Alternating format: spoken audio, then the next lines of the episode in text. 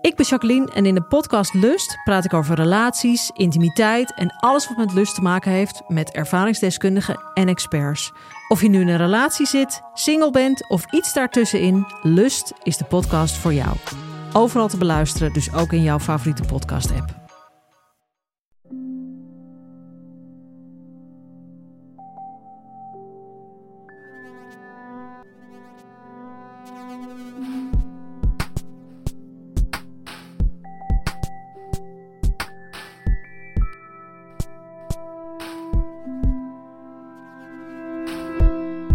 Hey, ik ben Pieter van Relaas.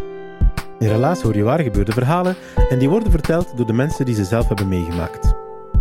Tim is het resultaat van heel progressieve ouders en een beetje hulp van een even progressieve vriend van de familie. Anders was hij er nooit geweest. Hij is heel dankbaar voor wat hij gekregen heeft en hij wil daarom teruggeven.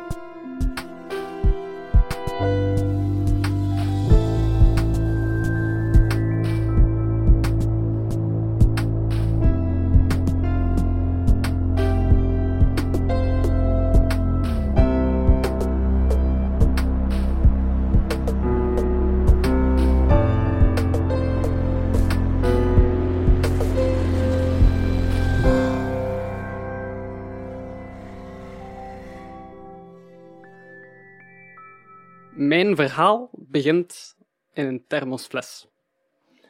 Er waren eens twee vrouwen in de jaren 90 en die wouden zeer graag een kindje. Die hadden een grote kinderwens. En ze spraken daarover met vrienden van, ja, twee, twee vrouwen, een, een lesbisch koppel, niet zo evident, hoe gaan we dat doen? Maar ze hadden chance, een van die vrienden was huisdokter. En niet een gewone huisdokter, een zeer progressieve huisdokter. En die zei tegen mijn, toekomstige moeders, we gaan dat regelen, geen probleem. Uh, er bestaat zoiets als een spermabank. Ik ben dokter. Ik kan daar gewoon sperma voor jullie reserveren en we regelen dat gewoon. Oké, uh, zo geschieden. Dus uh, wat moest mijn moeder doen? Zij moest haar ovulatie in het oog houden. Dat was gewoon door eigenlijk haar lichaamstemperatuur elke tijd, hè, om zoveel tijd te meten. En dan ging die een beetje naar omhoog en dan wist ze, het is het moment. Dus dan reed mijn moeder, want ze moest er wel zelf omgaan, naar de spermabank om daar eigenlijk de sperma te gaan halen. Hè. Maar die sperma die was ingevroren. Dus die moest ja, meegaan en die moest koud gehouden worden. Dus ik ging voor de helft in een thermosfles. En die thermosfles die ging dan zo mee naar de bevriende dokter, eh, naar zijn huisartsenpraktijk. Uh, en ze kwam naartoe en die zei direct, ja, eh, Mickey, uh, we gaan dat hier niet in die, in die coole, neutrale praktijk doen. We maken dat huiselijk, we maken dat gezellig. Kom hier gewoon bij mij achter. We doen dat in mijn living op de zetel. En zo geschiedde. En uh, het, sperma werd ontdooid en, en ingebracht. En negen maanden later werd ik geboren.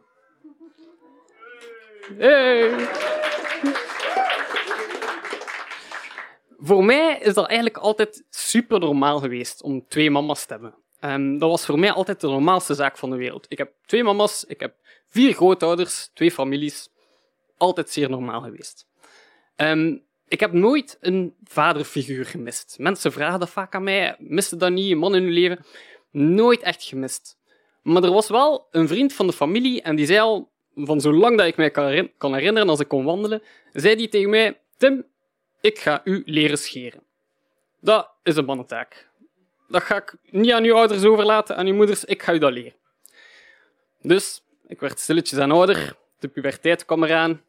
En dan kreeg ik zo stilletjes aan een donske op mijn bovenste lip.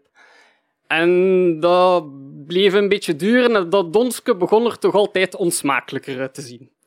Dus het was het moment, uh, we belden naar uh, de vriend van de familie en die direct, ik kom af, geen enkel probleem, ik ben daar. Dus die kwam diezelfde dag uh, nog af. En ik had daar al een gans beeld van gevormd in mijn hoofd wat dat ging zijn, hè, als, als gastje. Ja, ik had ook zo van die cowboysfilms gezien en dan is dat zo met scheerschuim en zo. En dan eh, met zo'n mes, dat ze zo zichzelf aan het scheren zijn. Ik dacht, oké, okay, tegenwoordig is dat ook wel waarschijnlijk wat, wat anders. Ik had ook natuurlijk zo Gillette-reclametjes gezien. En dan is dat zo met een Gillette-mesje. Maar ik dacht, oké, ja, als zo met scheerschuim en mesjes, dat is misschien toch gevaarlijk. Goed dat die een mens afkomt. Um, en die komt bij mij thuis en uh, we gaan dan naar uh, de badkamer, we staan voor de spiegel. En die haalt zo een gewoon elektrisch scheermachientje boven. Uh, en ik kijk ernaar, uh, wat is dit? Ah ja, ja, een elektrisch scheermachientje. Werkt super gemakkelijk. Hier, je drukt op aan. En dan gaat hij gewoon over je lipje en het is weg. En voilà. En mijn donske was weg en het was, het was klaar, het was gedaan. ik dacht, ja, moest ik daarvoor nu een man hebben in mijn leven? Dat had eigenlijk zelf ook wel gelukt. Ja, en mijn leven gaat verder, doodnormaal. Um, maar ik vertel dat ook niet altijd aan iedereen zo direct, dat ik twee mama's heb. Dat komt niet altijd ter sprake. Ik heb het over andere dingen. Over mijn interesses, mijn hobby's. Dus soms kan dat een keer gebeuren dat iemand dat nog, die mij lang kent, dat eigenlijk niet weet. En ik zit op een bepaald moment in mijn studententijd op café. We zitten in de Club Reserva in Gent. Super tof jazzcafeetje. Uh, goede biertjes. Ik zit al aan mijn derde biertje. En we zitten uh, rond tafel met een hele groep vrienden, paar studiegenoten. En plots komt dat ter sprake, ik weet niet meer hoe, maar dat ik twee mama's heb. Uh, en een van die mensen aan tafel, die kende mij eigenlijk wel al een paar maanden, toch wel al, al goed. En die viel volledig van zijn stoel. Die zei, oh my, wauw, zo zot, ik wist dat niet van u, vertel. Allee, hoe was dat? Uh, heb je nooit een vaderfiguur gemist? Oh nee, ja, ik ken het scheermachientje, dat verhaal. Hè. Um, nee, nooit gemist, nooit gemist. Ah ja, en hoe is dat dan gebeurd? Ik zei, ja, eh, via eigenlijk een anonieme spermadonor. En die heeft dan sperma laten invriezen en dan hebben mijn ouders dat zo kunnen gebruiken. Ah ja, oké, oké, oké. En dan vroeg hij een zeer goede vraag. Heb je dat ooit zelf willen worden? Zo anonieme spermadonor. En ja, ik moet eerlijk zeggen, ja, ik had daar wel al over nagedacht. Ook als kind eigenlijk wel al. Maar ja, nu was ik student, ik was ondertussen meerderjarig. Dus nu kon ik dat eigenlijk wel worden. En, en ik dacht erover na van, ja, eigenlijk zou dat wel, wel mooi zijn. Want ik heb zo het leven gekregen door een anonieme mens die ik nooit zal ontmoeten, um, die eigenlijk ja, sperma gedoneerd heeft en zo ben ik er kunnen zijn. Zonder die mens was ik er niet. En zonder die mens hadden mijn moeders ook nooit een kind gehad. En dat zou eigenlijk wel mooi zijn, moest ik dat kunnen teruggeven. Moest ik iemand anders zo kunnen helpen op diezelfde manier. Zijn het twee lesbische moeders, zijn het andere mensen, maar mensen met een kinderwens op die manier eigenlijk ja, dat teruggeven. Ik zou dat wel mooi vinden. Dus ik zei dat, ja, ja, eigenlijk ja, ik leg dat uit, ja. Ik heb dat altijd al willen doen, het is er nog nooit van gekomen. Um, maar eigenlijk ja, misschien moet ik dat gewoon doen. En toen waren direct twee vrienden aan tafel. Um, en die kenden mij al veel langer, die wisten al lang dat ik twee mama's had. En die zeiden, Tim, het is goed, wij doen dat ook. Wij, wij, begrijpen dat, wij gaan mee, we worden anonieme spermadonor. Um, dus wij met ons drie uh, naar, uh, naar het Jan Paul Fijn ziekenhuis in Gent. Um, om ons op te geven als anonieme spermadonor. Uh, we kwamen naartoe en ja, je moet dan eerst allemaal tests doen, want blijkbaar mocht je niet zomaar anonieme spermadonor worden. Je mocht natuurlijk geen SO hebben. Dat is een no-no. Um, dan moet je ook natuurlijk geen genetische aandoeningen hebben. Klinkt zeer logisch. Uh, maar natuurlijk ook, je sperma moet van de goede kwaliteit zijn. Um, die goede kwaliteit dat is blijkbaar ook iets speciaals, want, zoals je weet, ja, dat sperma, ze vriezen dat in. En dan moet dat terug ontdooid worden. En blijkbaar, ze weten niet hoe dat, dat komt, maar sommige mensen ontdooien beter dan andere mensen. En dus, dus eigenlijk in gans dat proces, ja, blijkbaar is maar één van de drie mensen die zich aanmeldt effectief geschikt. Geschikt om spermadonor te worden. Dus we stonden daar met drie. We deden al de tests. En ik had prijs. Ik mocht anonieme spermadonor worden. Um, dus, dus voilà, zo, zo werd ik anonieme spermadonor. En dat was toch een beetje speciaal en een beetje raar. Um, je moet dan, ja, je krijgt dan een afspraak. Um, je moet je eerst drie dagen onthouden. Want de sperma moet van de beste kwaliteit zijn. Kan u zeggen, als uh, student, als mannelijke student, drie dagen onthouden. Allee, het was toch een opgave. Maar het is gelukt. Het is gelukt. Dus ik, ik onthoud mijn drie dagen. Uh, ik ga daar naartoe. Um, en ze geven nu zo een potje. Um, en ze wijzen nu zo vriendelijk um, naar eigenlijk een soort ziekenhuiskamer. Echt gewoon. Echt een gewone, steriele ziekenhuiskamer. Uh, er zijn twee dingen anders aan die ziekenhuiskamer. Eén, daar liggen zo wat van die foute magazinetjes. en twee, er is zo'n bordje dat je het op bezet kunt zetten. Wel belangrijk.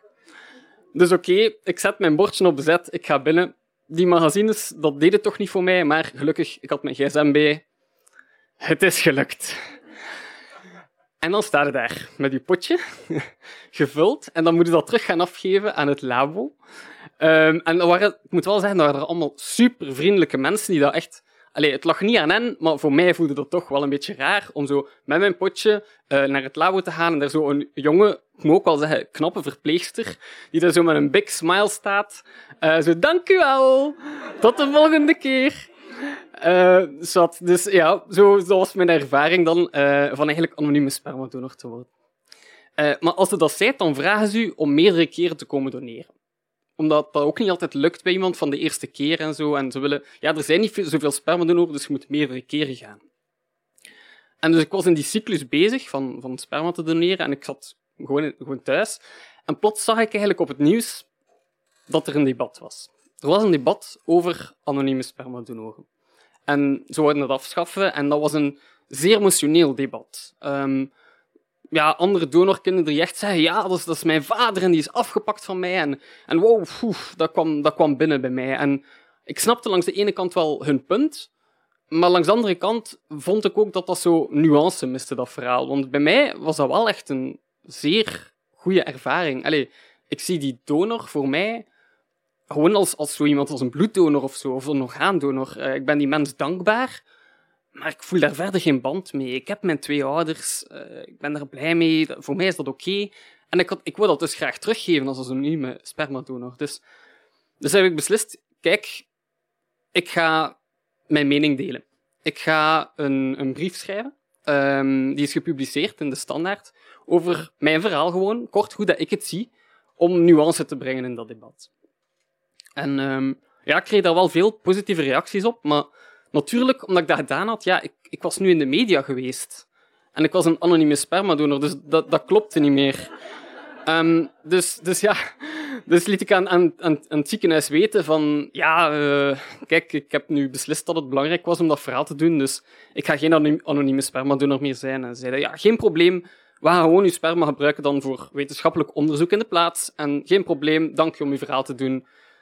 Succes met de rest van uw leven. Oké. Um, nu, op een bepaald moment zit ik gewoon thuis. Thuis met mijn vriendin. Wij verwachten geen volk, maar de bel gaat. We kijken naar elkaar. Zij zegt, ik zal ik wel gaan open doen. Ze wandelt weg in de gang. Ze blijft even weg. Ze komt terug, ze doet de deur zo half open en ze kijkt zo naar mij. Zeer verdacht. Bedenkelijk. En, en eh, ik zie, er gaat van alles om mijn hoofd, maar ik weet niet wat. En, um, maar ze kijkt naar mij en, en ik weet, er, er komt iets, er komt iets. En zegt, Tim, er staat een vrouw voor u aan de deur. En ze kent uw naam. Ze vraagt naar u. En op dat moment, paniek in mijn hoofd. Um, ik weet niet wie dat, dat is. Ik heb nog nooit iets misdaan in mijn leven. Allee, mijn, mijn vriendin is zo wel half met blik aan het insinueren dat dat een maîtresse is of zo, maar ik heb helemaal geen maîtresse. Uh, uh, ik weet het niet. Dus ik, ik zeg, ik weet niet wie dat, dat is. Ja, ik zal gaan kijken. ik, weet, ik, weet, ik weet het niet, ik weet het niet, ik weet het niet. Dus ik, ik naar de deur. En daar staat effectief een jongen, madame. Um, en die zegt, ja, hallo Tim, um, ik ken u van de media. Um, ik ben een wensmama. En op dat moment terug in mijn hoofd, een beetje paniek. Wat wilt hij van mij? Ik dacht dat ik duidelijk was geweest in mijn opiniebrief, dat ik, dat ik eigenlijk wel voor die anonieme spermadonor was, dat ik dat wel goed vond dat het zo was. Voor mij wilt hij dat ik, dat ik de donor word voor haar? Of, of allez, wat, wat wilt hij van mij? Wat wilt hij van mij? Dus eh, ga van alles rond in mijn hoofd. Uh, maar ze stelde mij direct gerust, zegt Tim, uh, ik, ik, zou eigenlijk gewoon een keer graag praten met u. Um, ik ben dus wensmama, maar ik ben alleen. En ik moet dus alleen die keuze maken voor een anonieme spermadonor of voor iemand dat ik ken. Of... En dat is een belangrijke keuze. Ik wil daar goed over praten en ik wil dus met mensen praten daarover. Maar er zijn niet zoveel mensen ja, die je kent waarover dat je zoiets kunt praten, met zoiets kunt praten. Dus, dus ja, ik heb er binnen gevraagd. We, we hebben daar twee uur over, over zitten praten. En, en ik hoop dat ze, ik weet niet wat ze gekozen heeft, maar dat ze voor haarzelf een, een goede keuze heeft gemaakt. En dat deed er mij toch over denken van, dat is toch iets speciaals. Dat is toch een keuze dat je zeer bewust maakt, dat, dat belangrijk is, dat een impact heeft. En voor mijn ouders vroeger was dat toch ook niet evident. Er waren twee vrouwen in de jaren negentig. Zij waren bij de allereerste die dat deden. En zo, zo, het was zelfs zo dat ik officieel eigenlijk maar één moeder had. één biologische moeder. En mijn andere moeder, officieel op papier, bestond die niet. Voor mij was het altijd mijn moeder, maar officieel was ik eigenlijk enig kind. Allee, was een kind van, van één moeder. Um, maar gelukkig, een paar jaar geleden, um, was er een wetswijziging. En wat kon je doen? Je kon als lesbisch koppel en met het kind samen naar het gemeentehuis of het stadhuis gaan. Um, en je kon eigenlijk je laten erkennen door je twee moeders. En en ik, ja, we hadden het daarover natuurlijk thuis. En, en we zeiden direct, ja, we willen dat doen. Hè? Dat, is, dat is belangrijk, we, we, gaan dat doen. We gaan, we, gaan ons, we gaan daar samen naartoe, we gaan ons erkennen. Hè? Dat, wij, dat wij een gezin zijn met, met twee mama's en, en een zoon. Um, en ik herinner me nog, dat was in, in Gent, um, in het administratief centrum dat ik moest zijn. Eh, op het Woodrow Wilsonplein aan het zuid. En dat was een beetje vreemd ook, omdat ja, dat was eigenlijk voor ons een superbelangrijk moment in ons leven. Een beetje, je zou het misschien kunnen vergelijken met, een trouw of zo. Hè? Maar als je gaat trouwen, dan, dan is dat in zo'n mooie, hui, een mooie een mooie zaal en, en, met de schepen en tekenen. En, dat, dat heeft een betekenis. En ja, we werden daar gewoon in dat administratief centrum, ja, wachtzaaltje, theelampen, uh, even wachten tot dat aan ons was. Dan werden wij binnengelaten. En dat was wel een super vriendelijke madame. En die, die was echt super hartelijk. Um, en die haalde mijn geboorteakte boven. En dan hebben we daar eigenlijk de naam van mijn tweede moeder bijgezet. En dan hebben we dat ondertekend. En dan was het, was het officieel. En ik weet nog dat wij eigenlijk buiten kwamen van op het Zuid. Um, en dat ik naar mijn moeders keek ook. En ja, dat ik dacht, oh, ik heb al altijd twee moeders gehad. In mijn hart, voor mij altijd. Twee families, vier grootouders, dat is altijd zo geweest. Maar nu, nu is dat niet alleen maar voor mij zo. Nu is dat niet alleen maar voor ons zo. Nu heb ik twee moeders voor de rest van de wereld.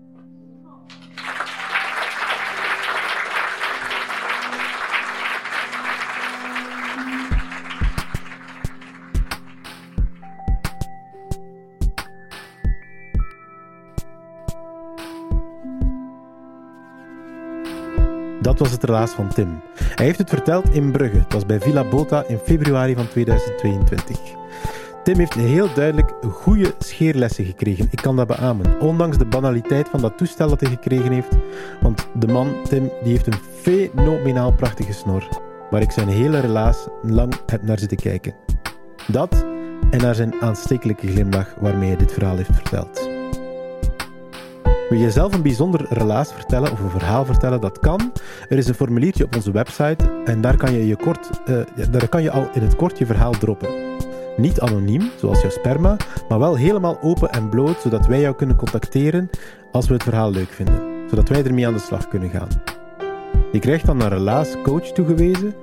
Die wordt jouw nieuwe beste vriend voor de komende weken, totdat je verhaal helemaal klaar is om het op een podium achter te laten. En je komt dan in het rijtje met meer dan 250 andere vertellers op dit moment, die met jou al het podium gedeeld hebben.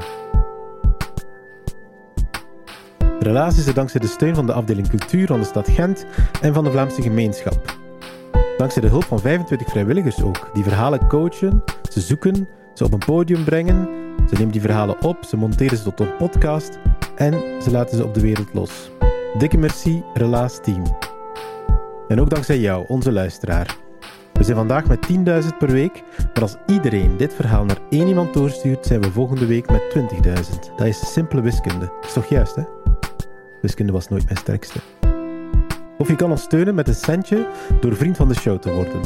Ik mag er nog niet veel over vertellen, maar over enkele weken schakelen wij een versnelling hoger en dan wordt het nog interessanter om vriend van de show te worden.